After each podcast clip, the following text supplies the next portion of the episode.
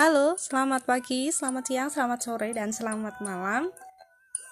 Kali ini saya akan bercerita tentang kisah dari Banten, yaitu asal mula Gunung Pinang. Langsung saja ya.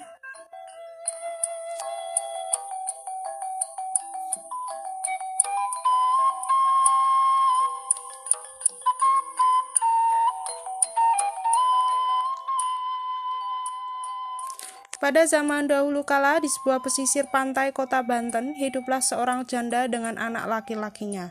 Anak laki-laki itu bernama Dampu Awang. Kehidupan mereka sangat miskin dan serba kekurangan. Namun, meskipun kehidupan mereka sangat miskin, Dampu Awang memiliki cita-cita yang sangat tinggi.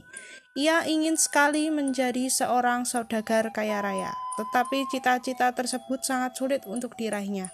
Jangankan untuk menjadi saudagar kaya raya, pekerjaan yang tetap saja ia tidak punya. Suatu suatu hari ada sebuah kapal layar berlabuh milik saudagar kaya yang bernama Teuku Abu Matsyah. Saudagar kaya itu akan berdagang di Banten. Namun, melihat kapal saudagar kaya itu, timbul sebuah keinginan untuk bekerja di sana sebagai awak kapal. Ia segera kembali ke rumah dan mengutarakan keinginannya kepada sang ibu. Ibu, di pelabuhan ada kapal saudagar yang sangat kaya sedang berdagang di sini. Aku ingin sekali bekerja di kapalnya. Jika aku beruntung, siapa tahu aku bisa menjadi saudagar kaya sepertinya, Bu. Bolehkah aku ikut berlayar dengannya? Tanya Dampu Awang. Namun ibunya langsung melarang. Tidak anakku, kau tidak boleh ikut berlayar bersama saudagar kaya itu, jawab tegas ibu. Mengapa, Bu? Dengan cara aku bekerja di kapal tersebut, aku akan men dapat membantu ibu untuk memenuhi kebutuhan kita. Apalagi jika suatu saat nanti aku bisa menjadi saudagar kaya, kehidupan kita akan berubah. Kata Dampu Awang. Tidak nak, ibu sangat takut jika kau sudah menjadi kaya nanti kau pasti akan lupa dengan ibumu yang miskin ini. Katanya. Namun, Dampu Awang terus saja meraihnya agar diizinkan oleh ibunya untuk pergi berlayar. Akhirnya dengan berat hati, sang ibu mengalah dan mengizinkan Dampu Awang untuk ikut berlayar bersama saudagar kaya itu. Tetapi sang ibu meminta Dampu Awang untuk berjanji agar ia selalu memberikan kabar. Sebelum berangkat, sang ibu menitipkan burung kesayangan milik ayahnya. Jagalah burung itu baik-baik, Nak, dan jangan lupa untuk memberinya kabar kata ibunya. Baik bu, aku tidak akan melupakan pesan ibu, kata Dampu Awang. Sang ibu pun menangis dan memeluk anaknya dengan sangat erat. Dampu Awang pun langsung naik kapal dan siap untuk berlayar ke Malaka.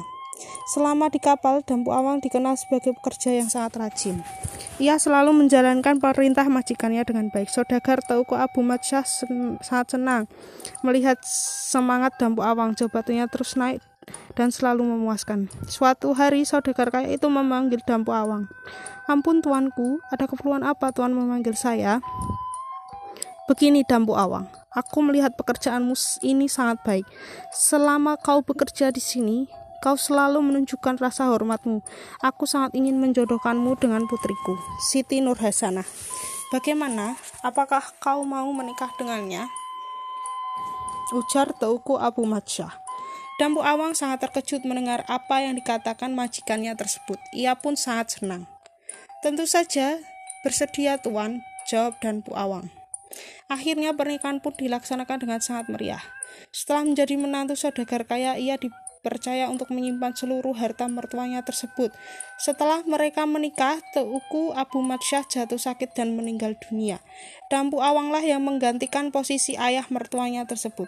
Setelah menjadi saudagar kaya, ia melupakan ibunya. Ia tidak pernah lagi memberikan kabar dan terlena dengan kemewahan. Suatu hari, Dampu Awang dan istrinya berlayar ke wilayah pantai Banten. Tibalah mereka di daerah tempat tinggal Dampu Awang. Setelah penduduk sangat terpukau melihat kemewahan kapal Dampu Awang, para penduduk beramai-ramai datang ke pelabuhan untuk melihat kapal layar yang sangat mewah tersebut. Kabar tentang berlabuhnya kapal layar yang mewah itu terdengar oleh sang ibu Dampu Awang. Ia sangat yakin saudagar kaya itu adalah anak laki-lakinya. Ia pun langsung bergegas datang ke pelabuhan untuk bertemu dengan Dampu Awang. Setibanya di pelabuhan, ibu Dampu Awang melihat anaknya berdiri di pinggir kapal dan mengenakan pakaian sangat mewah. Selain itu, sang ibu pun melihat ada seorang wanita yang sangat cantik di sampingnya. Sang ibu sangat senang karena anaknya sekarang sudah memiliki seorang istri. Ia langsung ber berlari ke arah kapal mendekati anaknya tersebut. Ia berlari dengan cepat dan berteriak memanggil anaknya. Dampu awang anakku, kau sudah kembali nak, ibu sangat merindukanmu, kata sang ibu menangis bahagia. Dampu awang sangat terkejut melihat seorang perempuan tuan tua yang berpakaian compang-camping dan sangat dekil sekali. Ia sangat mengenal wajah perempuan yang memanggil-manggil namanya tersebut. Ia tahu bahwa perempuan itu adalah ibunya. Namun ia sangat malu mengakui perempuan itu sebagai ibunya. Kang, apakah perempuan tua itu adalah ibumu? Mengapa selama ini kau tidak pernah menceritakan jika masih mempunyai seorang ibu? Tanya istrinya heran. Bukan sayang, perempuan tua itu bukan ibuku. Ibuku sudah lama meninggal ialah hanya seorang perempuan yang gila. Sudah abaikan saja perkataannya itu. Sungguh tidak penting, kata Dampu Awang. Sang ibu terus-menerus memanggil namanya. Hei perempuan tua, diamlah, kau bukan ibuku, aku sudah tidak memiliki ibu. Ibuku sudah lama meninggal, kata Dampu Awang sangat kesal. Sang ibu sangat terkejut mendengar apa yang dikatakan anak laki-lakinya itu. Kini ketakutannya menjadi kenyataan. Hatinya bagaikan teriris-iris. Kini anak kandungnya sendiri tidak mengakuinya sebagai ibunya. Air matanya pun membasahi pipinya tanpa sadar ia berdoa.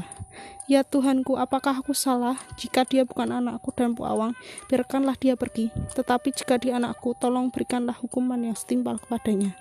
Doa sang ibu.